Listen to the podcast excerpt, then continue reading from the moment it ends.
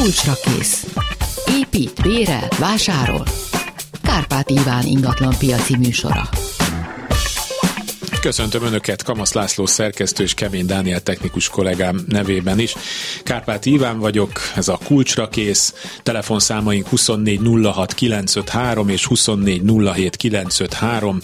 Hívjanak már most minket, 30 30 30 953, és ma dr. Nagy Zoltán ügyvédútól lehet kérdezni. Jó napot kívánok, szervusz! Szia Zoli!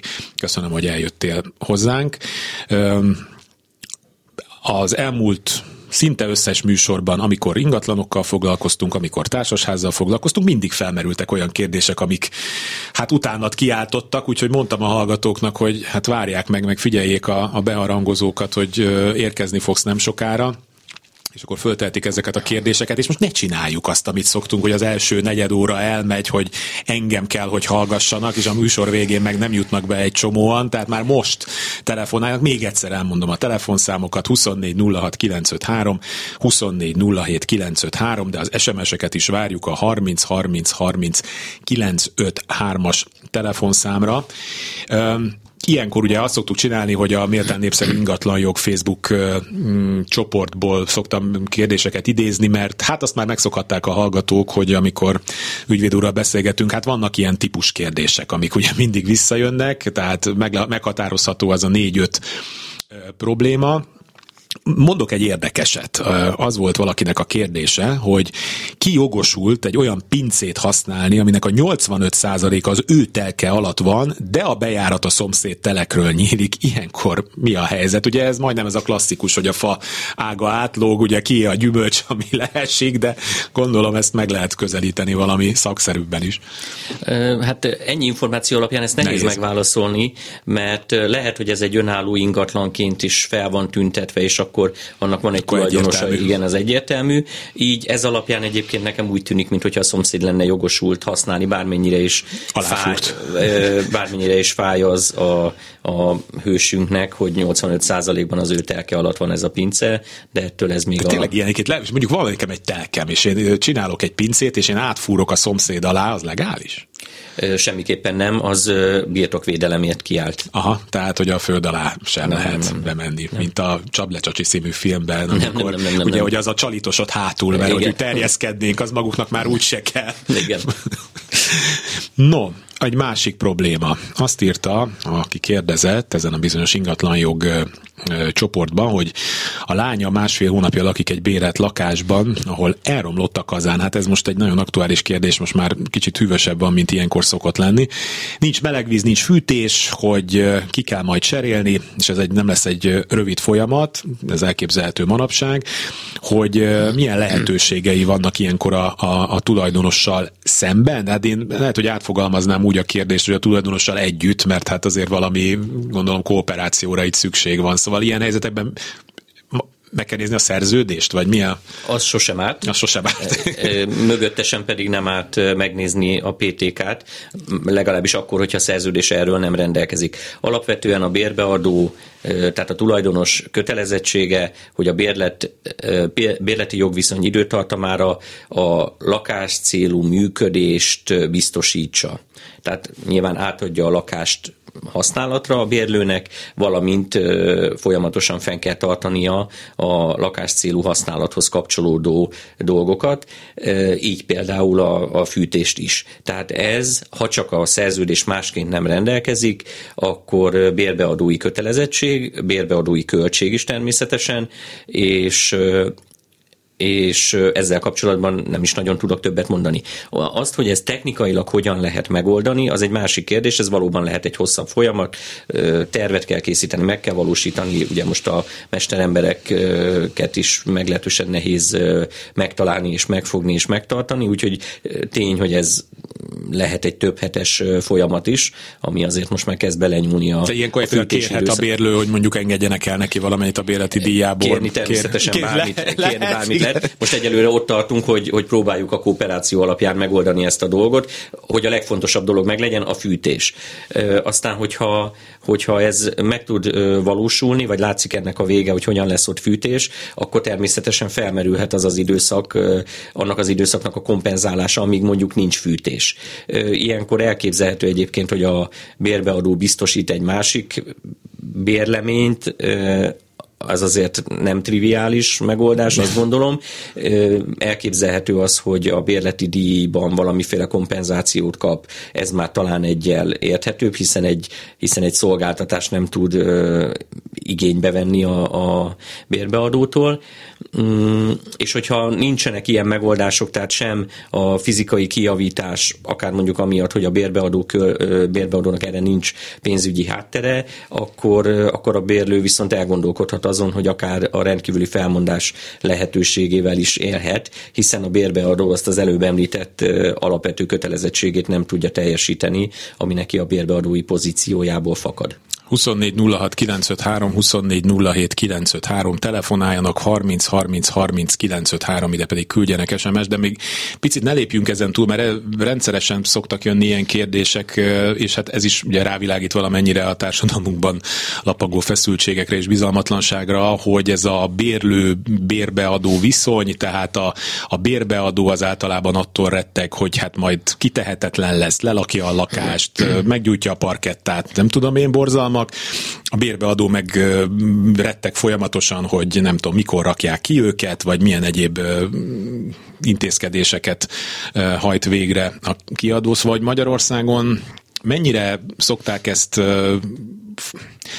formát, egy olyan formát adni neki, ami, ami emberileg is és jogilag is kezelhető, tehát mennyire és ez inkább egy ilyen elméleti, filozófiai kérdés, tehát milyen magasan áll a mi kultúránk ebből a szempontból? Tehát mivel szoktál találkozni ilyen ügyeknél, illetve hát erről mi a, mi a tapasztalatod? Mennyire vagyunk képesek ebben együttműködni, és mik azok a garanciák, azok a minimális feltételek, amikre egyébként szükség lenne, hogy működjön egy ilyen kapcsolat?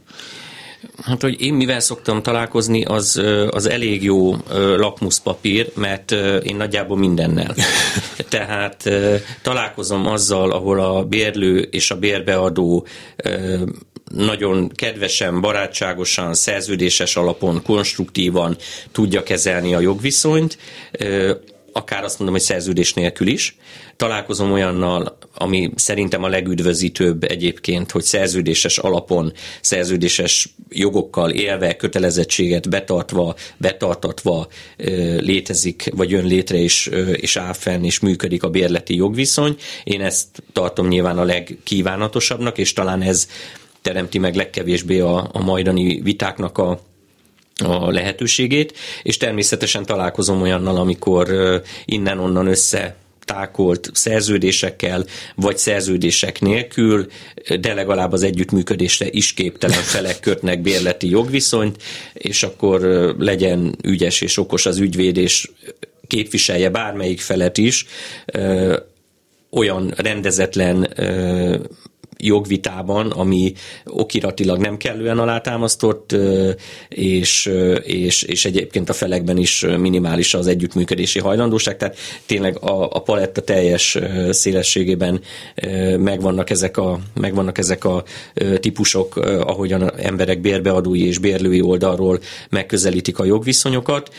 Hogyha ugye az előbb említettem, hogy melyik verziót tartom a legkívánatosabbnak, az kiegészítve azzal, hogy van egy bérleti szerződés, és adott esetben egy a majdani kiürítést vagy bérleti díj érvényesítést megkönnyítő közjegyzői okirat is létrejön, akkor azt mondom, azt gondolom, hogy az azzal mindkét fél nyugodtan ö, alhat, bérbeadó is, bérlő is, ha esetleg félre megy közöttük a jogviszony, vagy bármilyen ok miatt megszűnik, vagy, vagy ö, megszüntetik, akkor ö, ezek egy, egy korrekt szerződés és egy közjegyzői okirat mindkét fél számára megteremti azt a biztonságot, vagy, vagy lecsökkenti a félelmeknek a körét, ami, amitől esetleg a, a bérleti jogviszony előtt tartottak. Ezzel kapcsolatban lesz még kérdésem, de most van egy hallgatónk a vonalba, akit mielőtt bekapcsolunk, azért újra elmondom a számokat, 24 06 953, 24 07 953, az SMS pedig 30 30 30 953.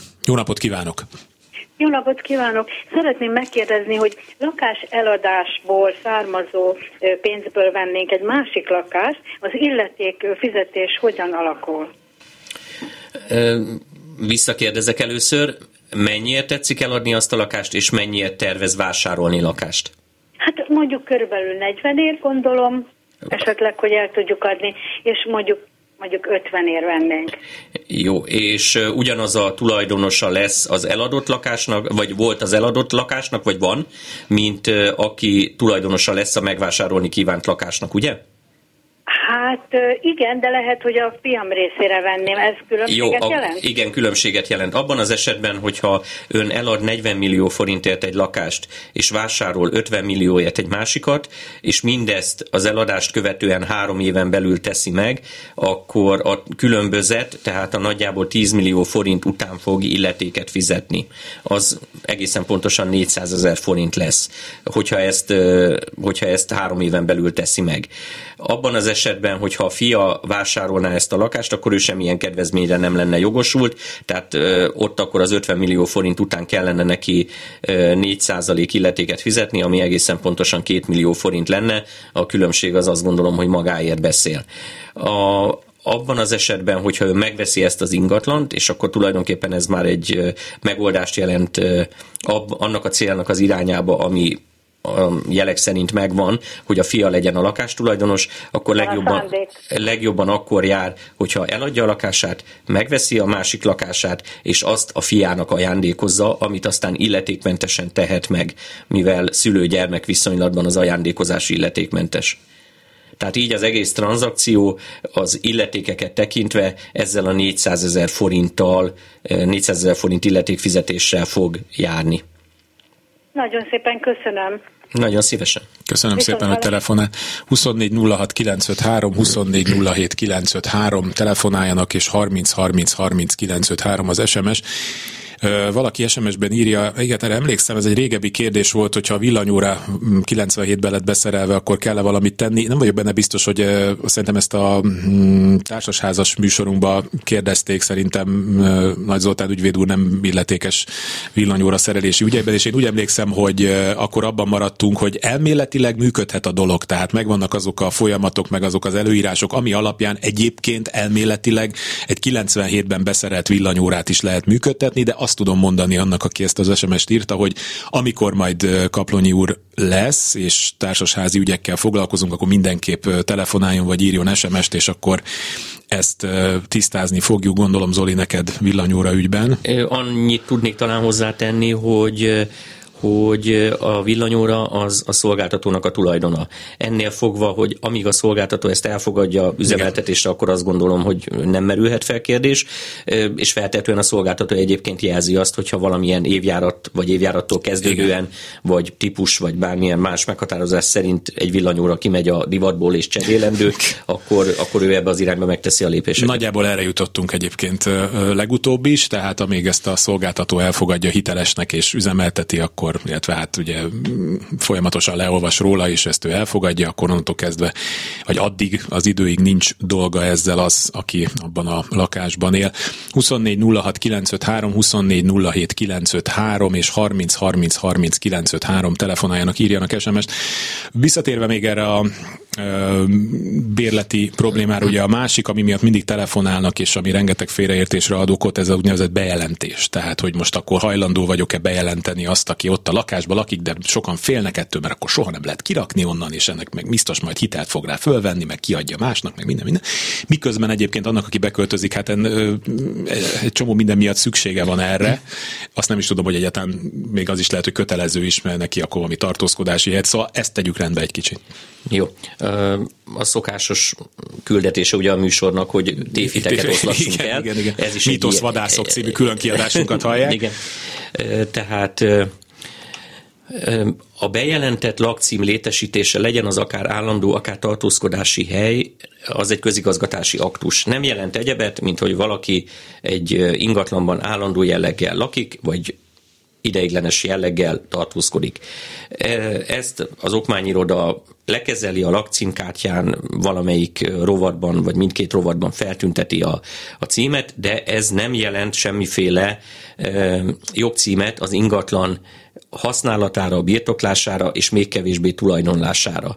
Tehát ha egy bérlőt bérlővel bérleti jogviszonyt hozok létre, és bérbeadom neki a lakásomat, és engedem neki, hogy bejelentse oda az állandó lakóhelyét, vagy a tartózkodási címét, akkor nem, és valami miatt megszűnik a bérleti jogviszonyunk, és elköltözik, akkor, vagy valamilyen úton módon kirakom, nyilván valamilyen legális módon, akkor nem fenyeget az a veszély, hogy másnap ő megjelenik, és a lakcímkártyáját lobogtatva közli, hogy ő vissza szeretne költözni, mert ő ide állandó vagy ideiglenes jelleggel be van jelentkezve. Nem, nem teheti meg, nincs neki jogcíme a használatra.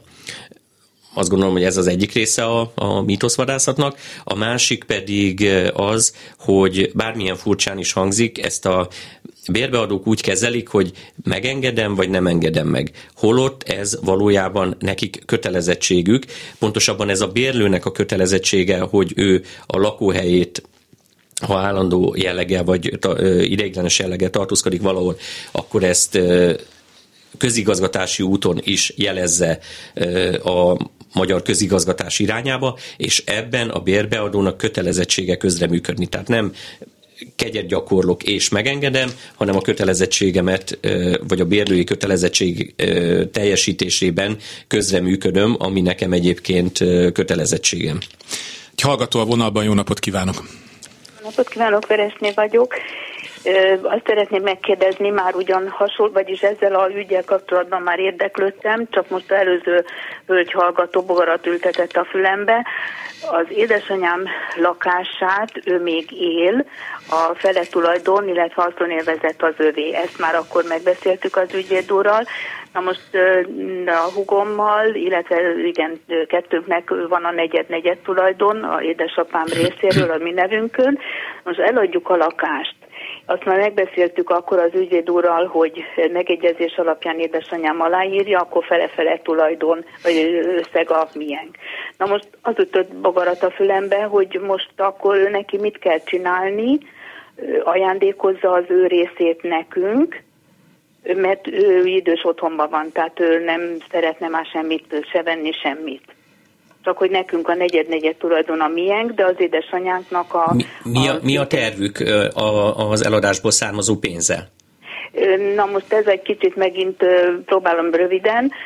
Én tavasszal szeretném eladni az én lakásomat, ez egy családi ház, igen. És én akkor szeretnék majd a kettő, illetve nekem is ki kell a két fiamat a édesapjuk után fizetnem az, ebből a tulajdonból, hogy akkor szeretnék én majd venni valami lakást. Uh-huh. Tehát ez bele fog időbe férni, vagy hogy, hogy oldjuk meg édesanyámnak a, a, a, a fele? Túl sok lakás van ahhoz, hogy minden, mindennel kapcsolatban kedvezményt tudjon ö, igénybe venni, de ha jól értem, akkor az édesanyja által eladott lakásból nem lesz másik lakás vásárolva, ugye? Nem, tehát az én részemről nem. Aha. A húgom részéről valószínű, tehát itt most inkább az én részemet Világos, szeretném. koncentráljunk önre. Oké. Okay. Tehát az eladás nyomán illetéket nem kell fizetni. Pont.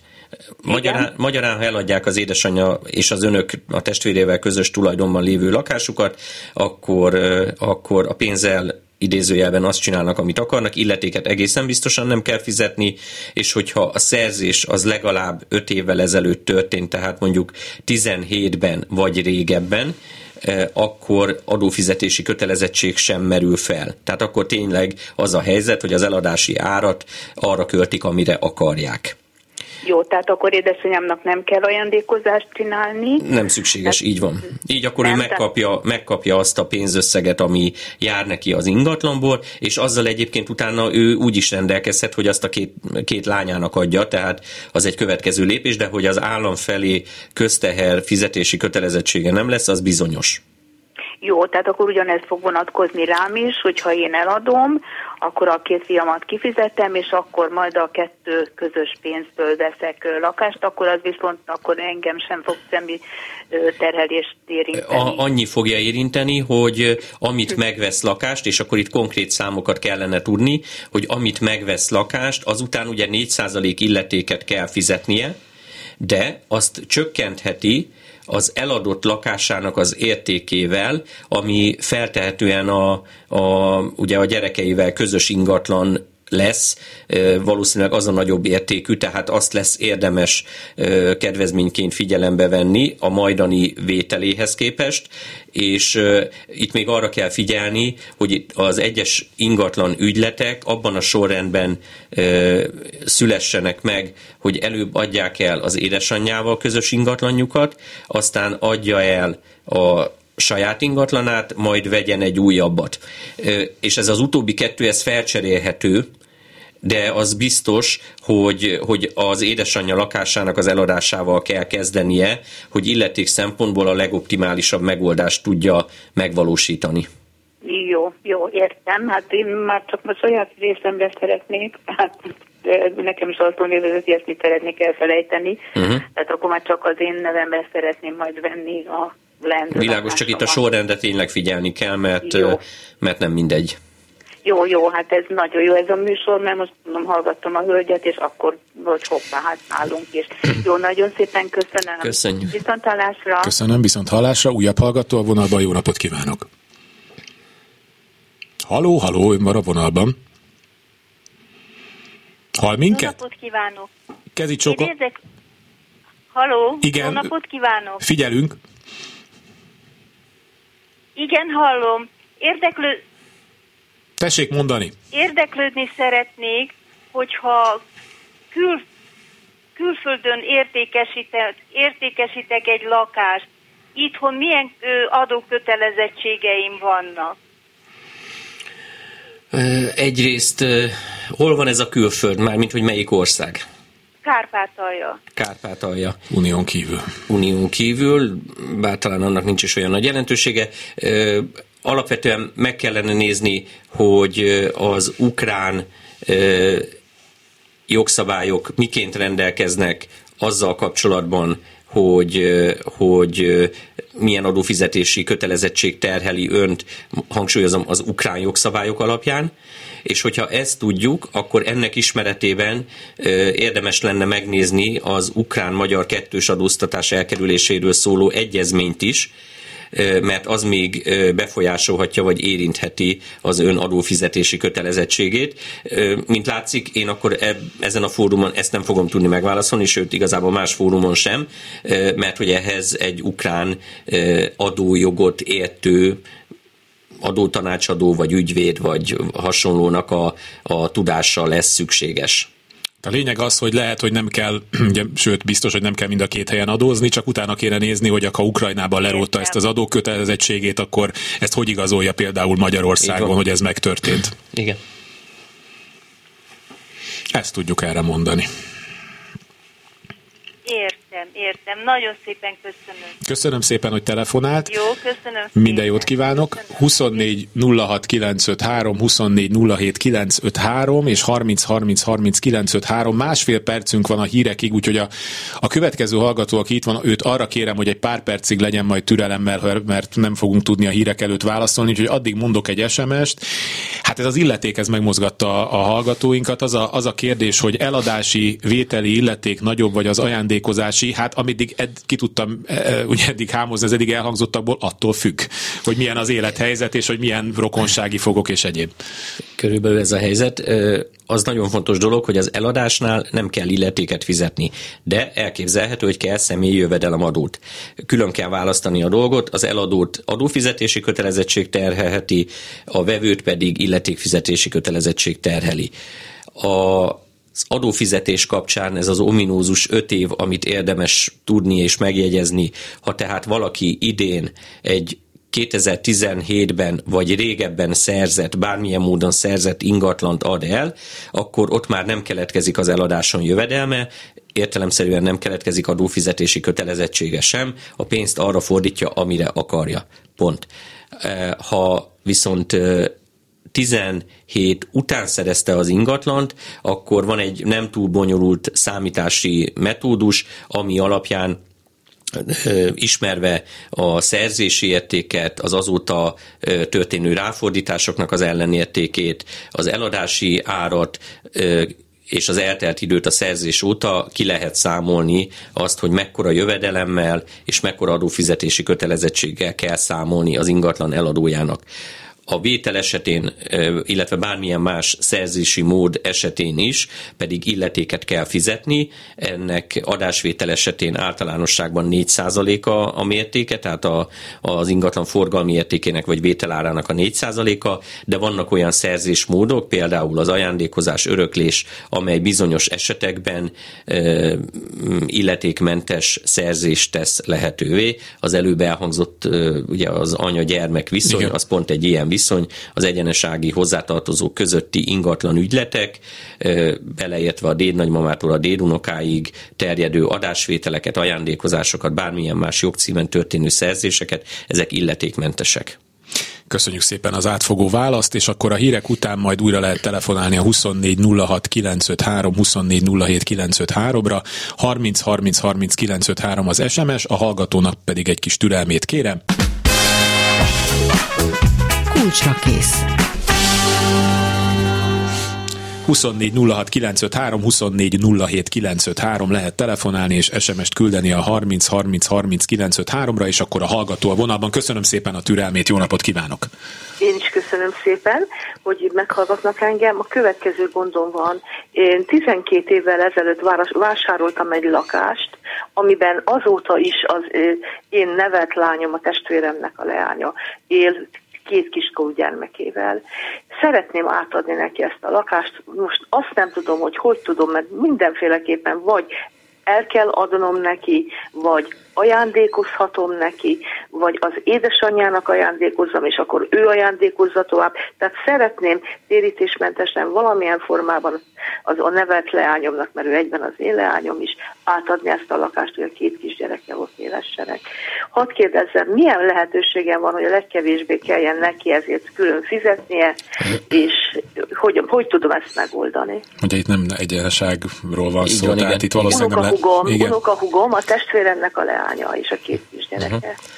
Uh-huh. Mm, alapvetően nagyon sokféle jogcímen megszerezheti ezt a nevelt leánya, ezt az ingatlant.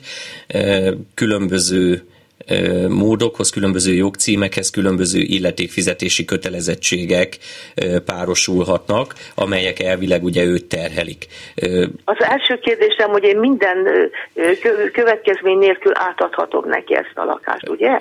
Persze, Tehát, persze, ez az, ön, ez az ön kizárólagos tulajdon. Nem, nem, nem, nem, nem, nem, tehát ez az ön kizárólagos tulajdonában lévő ingatlan, Igen. ráadásul régebben szereztem, mint öt év, ugye az előbb, ami Igen. elhangzott, a, a éve, kultikus öt év, év, így van, tehát adófizetési kötelezettsége önnek nincs, tehát bármilyen bevételt is szerez ennek az ingatlannak a megszerzése nyomán, ha szerez egyáltalán, az semmiféle nem, kötelezettséget, nem, nem, értem, értem bá, semmiféle kötelezettséget nem jelent az ön számára.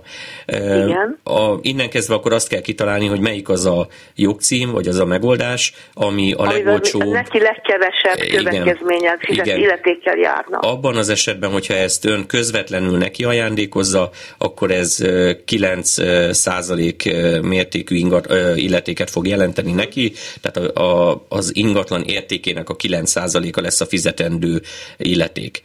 Abban, abban az esetben, hogyha ön ezt a testvérének ajándékozza, akkor a testvérének viszont nem lesz illetékfizetési kötelezettsége, azaz akkor már legalább átkerül arra az ágra, fogalmazzunk így, az ingatlan tulajdonjoga, ami, amelyik ágon ön szeretné ezt látni, és aztán természetesen a testvére ezt tovább is ajándékozhatja a gyermeke számára. Mennyi időn belül ajándékozhatja tovább illetékmentesen? Gyakorlatilag Van nincs időbeli korlát, bármikor, vagy akár megvárhatják, amíg egy öröklési helyzet előáll, nincs semmiféle időbeli szabályozás, vagy korlát Értem. arra nézve, hogy mikor... És ha rúg... én örökségként hagyom rá, tehát akkor, hogy akkor ugyanaz a, vagyok már. akkor ugyanaz a 9% fogja terhelni a lányt, akkor, amikor az öröklés bekövetkezik, az ingatlan akkori értéke alapján. Tehát tekintve, Értem. hogy ön Magyarán nincs... akkor ő akkor jár legkevesebb rá kiadással, hogyha a testvéremnek ajándékozom, és ő tovább ajándékozza. Igen, igen, igen. Ehhez képest egy mondjuk azt, hogy középút, mert eddig ugye beszéltünk a, az ingyenes, vagy az illetékmentes szerzésről, illetve beszéltünk a 9% fizetési kötelezettségről, abban az esetben, hogyha valamilyen vízterhes módon, tehát például egy adásvétel keretében megy át az ingatlan tulajdonjoga, akkor pedig 4% illetéket kell megfizetni. Az, hogy ezt a vételárat ön ténylegesen megkapja-e, vagy úgy nyilatkozik, Igen, hogy az, meg, már az már az önök dolga, így van.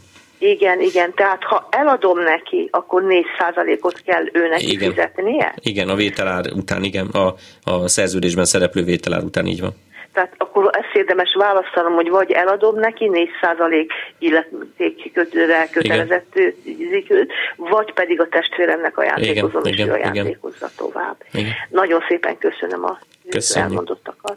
Viszont hallásra. Köszönöm szépen. 24 06 953, 24 07 953. Ide lehet telefonálni, és 30 30 30 953, ide várjuk az SMS-eket. Egy újabb hallgató a vonalban. Jó napot kívánok! Jó napot kívánok, Forgács Magdolna vagyok. Azért hívtam önöket, mert van egy társasház, ahol egy 71-es alapítókirat van.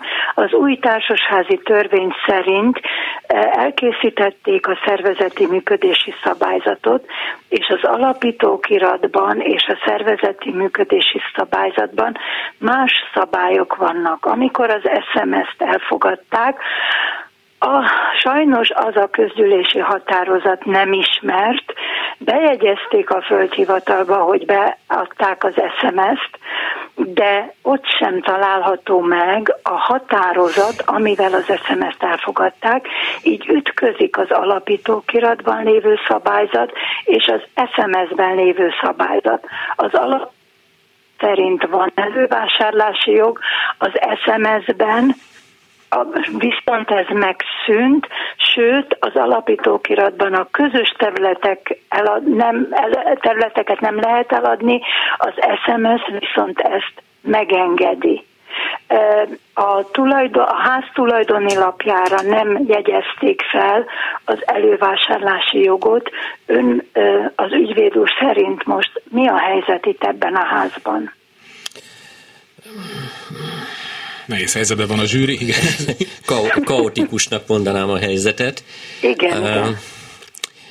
Ha azt feltételezzük, hogy az SMS mögött van egy közgyűlési határozat, amit ugyan nem ismerünk, de hát mégiscsak úgy tűnik, mintha az megszületett volna, hiszen amiatt kerül benyújtásra a földhivatalhoz az SMS, Igen. akkor olybá tűnik, mintha az SMS az irányadó lenne a társasház uh-huh. működésére. Igen, nekem is ez az érzésem. Az más, kérdés, az más kérdés, hogy ha például konkrétan az elővásárlási jogra térünk ki, Igen. akkor vajon annak a szabályozására az SMS az alkalmas-e, ott abban van-e a helye az elővásárlási jogszabályozásának? Szerintem nem. Tehát ebben a kérdésben azt mondanám, hogy továbbra is a társasházi alapítókirat az irányadó, még akkor is, hogy ez viszonylag réginek tekinthető. Úgyhogy Úgyhogy az elővásárlás nál ez a helyzet, még akkor is, hogyha egyébként ezek a tulajdoni lapon nem szerepelnek bejegyezve. Illetve még egy, még egy dolog, a, a közös területek eladása, az, hogy kizárja az alapító okirat a közös területek eladását, az szerintem nem egy érvényes rendelkezés, tehát ott meg az SMS-t tekinteném irányadónak, hogy bizonyos ö, szabályok ö, vagy feltételek teljesülése esetén a közös tulajdonban lévő ingatlan részek eladhatóak. Uh-huh, értem. Köszönöm. Még egy dolgot szeretnék mondani. Voltak ilyen jogi állásfoglalások, amiket elolvastam, és meg is nyertek bizonyos pereket akkor, amikor egy ilyen garást adtak el, és megvette a, a vásárló, beperelték, mert az elővásárlási uh-huh. jogra hivatkozva azt mondták, hogy nem lehet eladni, viszont miután a társasház ö, tulajdoni lapján nem szerepelt az elővásárlási jog, ezért a vásárló megnyerte, és övé lehetett a Az jó hiszeműen vásárolta meg, nem? Hát ez, ez, ez egy, igen, egy nehéz kérdés, mert alapvetően a, ami nagyon leegyszerűsítve és nem is teljesen helyesen mondva, de ami szerepel az ingatlan tulajdoni lapján, az az irányadó. Nem, ezért van egy közhiteles nyilvántartás, ami abban szerepel, azt irányadónak kell tekinteni.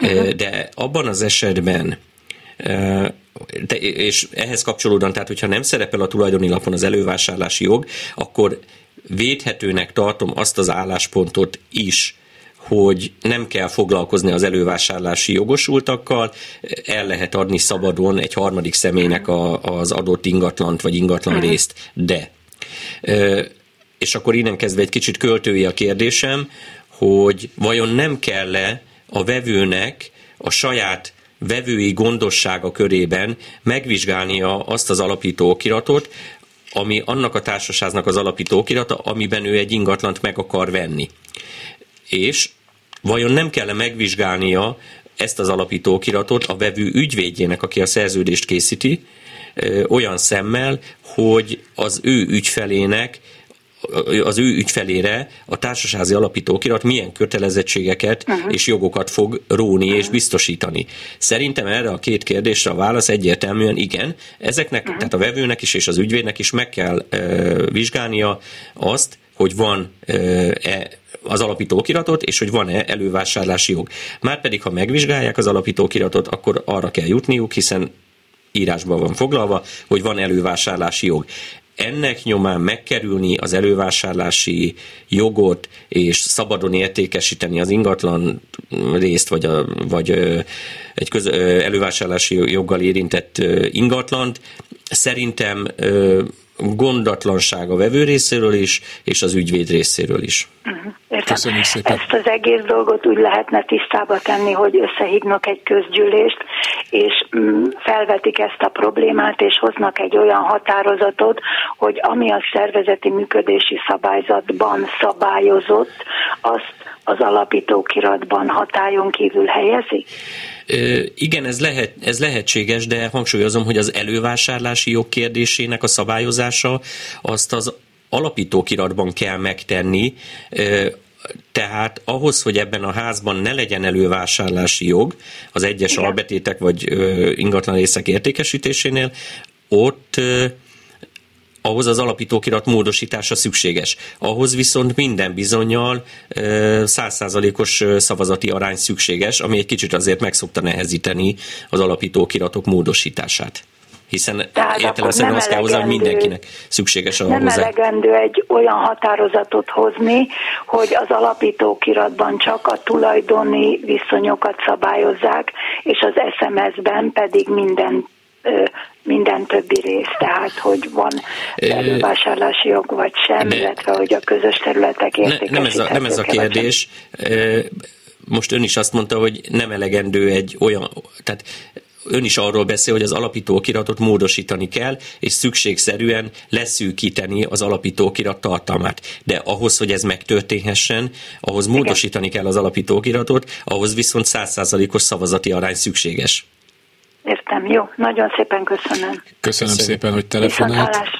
Én amikor két éve adtam el a lakásomat, akkor a vevőnek az ügyvédje az volt az első, hogy a, az alapítókiratot is elkérte, sőt, még a szervezeti működési szabályzatot is megnéztem, mielőtt a szerződést megszerkesztette, mert azokban lehetnek olyan dolgok, ami ugye nem mellékes, úgyhogy erre mindig figyeljenek oda.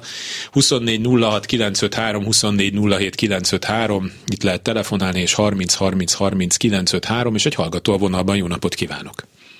Jó napot kívánok, Magdolna vagyok, és nagyon köszönöm a lehetőséget. Azzal kapcsolatban szeretném megkérdezni a, az ügyvéd úr véleményét, hogy családon belül szeretnénk megvásárolni egy osztatlan közös tulajdon egy részét, A, a vételárat a telek négyzetméter ára alapján szabják meg az eladók. A telek az 600 négyzetméter, de az élmű kisajátított 50 négyzetmétert ebből, és azt szeretném megkérdezni, hogy ezt most a teljes négyzetméter árat vehetjük alapul, vagy a élő által kisajátított rész az nem játszik ebbe. Ki az, aki kisajátított?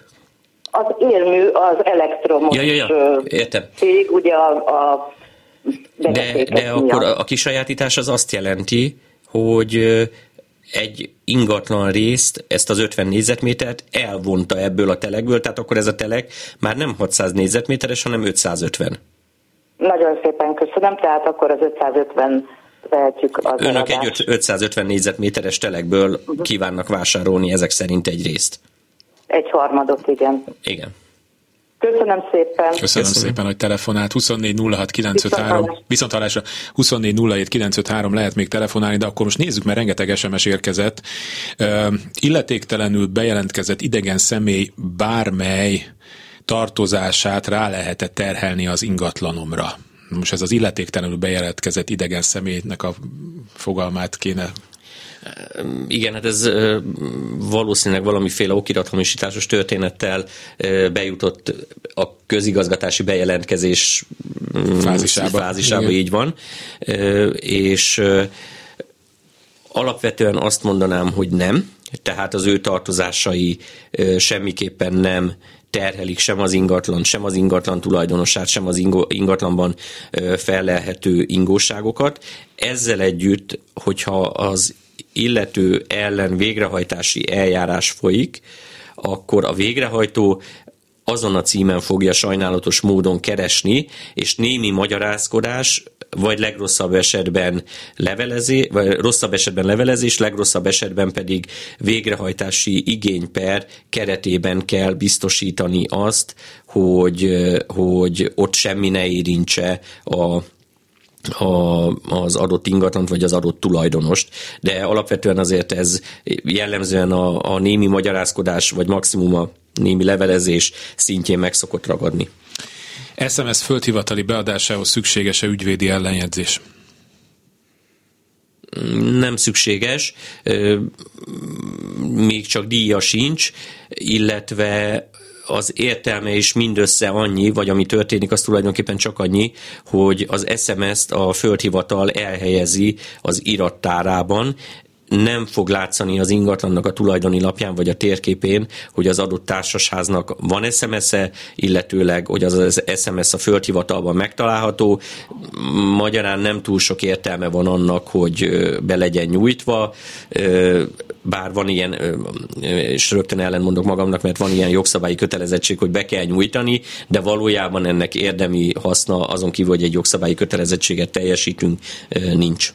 De nem nagyon büntettek meg érte még Nem láttam még ilyet. Nem láttam még ilyet. 24 06 953, 24 07 953, van még néhány perc, úgyhogy hívjanak minket, addig még egy SMS, hát ma ilyen albérleti kérdések vannak. Jogi szakértő kérdezném, az albérlőnek vagy az ingatlan tulajdonosnak kell a költségeket állnia, ha az ingatlan kulcsa elromlott, elhajlították a bérlők, vagy elhajlott, eltörték, nem tudjuk, speciális kulcs egyedileg kell csináltatni, jóval drágább, mint egy sima kulcsmásolás. A béleti szerződésben a központi berendezésekkel kapcsolatos karbantartás, javítás költsége a tulajdonos terhelik. Hát ilyenkor mit lehet csinálni? Most ez nem világos számomra, hogy ki, ki csinált és mit csinált a kulcs. Hát ez az elhajlították a bérlők vagy elhajolt, erőlt, erőltették, nem tudni kategória. Talán ez nem elhanyagolható körülmény abból a szempontból, hogy kiviselje ennek a költségét. Tehát ha egy kulcs elvész, vagy a bérlő elhajlítja, vagy elhajlítódik a, a nem rendeltetésszerű használattól, vagy nem tudom mitől. Hát ha nem rendeltetésszerűen használták, akkor nyilván az a felelős érte, aki tette, tehát akkor ez a, a bérlő. Igen, de hogyha ez a kulcs nem tudom, elveszítette azt a mágneses jellegét, igen, azt a mágneses kulcs jellegét, ami mondjuk szükséges volt, vagy ami a specialitásából fakadt, akkor, akkor viszont az bérbeadói kötelezettség és költség. Nézem, hogy talán ez még jött valami, nem, ez már egy még egy kulcsos Kulcskérdések. Kulcskérdésekkel vagyunk. Egyébként most egy nagyon gyors időjárás lentést adnék. Itt a hatodik kerületben leszakadt az ég. Úgyhogy... Ö, nem tudok visszamenni az irodába, ezt maradunk, mondani, maradunk. Hogy nem akartam, hogy nagyon az ügyvéd urat megijeszteni, ez a háta mögött történik, de ő még szerintem itt fog maradni velünk egy kávéra, vagy egy teára, egy kicsit náthás, úgyhogy még, még ápoljuk az ügyvéd urat itt.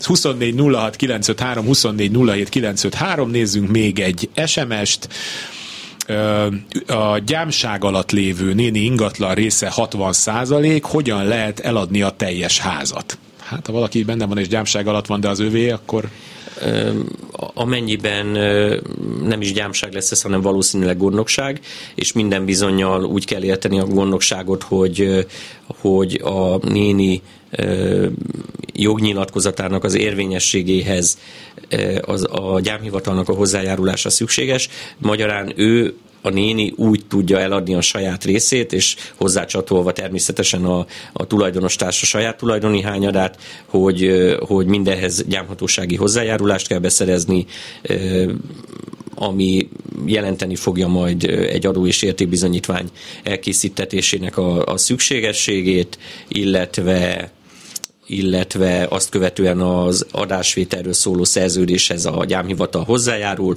majd pedig len a teljesítést követően záradékolja, tehát abszolút nem kizárt a dolog, csak egy picit administratív jelleggel nehezített pálya egy, egy gondnokolt tulajdonában lévő ingatlannak az eladása. Hmm. Ahogy egyébként egy kiskorú tulajdonában lévő... Igen, és a hivatal mennyire gyors ilyenkor, tehát hogy... Szokásos közigazgatási határidőn belül jellemzően azért ez működnek, hmm. tehát 60 napon belül azért nekik lépniük és nyilatkozniuk kell. Mondjuk azt, hogy többé-kevésbé ezt sikerül is tartani általában. Újabb időjárás jelentés még jobban esik. Tehát én most már szakad. Még, még jobban aggódok. Még jobban aggódik. Ügyvéd úr, 24 06 953, 24 07 953, 30 30 30 953. Pár perc van, tehát amíg valaki most telefonál, akkor bejut, és úgy látom, hogy van is hallgató. Jó napot kívánok! Üdvözlöm! A lakásszövetkezeti padlásrészt beépítettem annó már évtizedekkel ezelőtt, és pár évvel ezelőtt a megvételi lehetőség is adott lett, és bekerült a földhivatalba, ügyvéd által, stb. stb.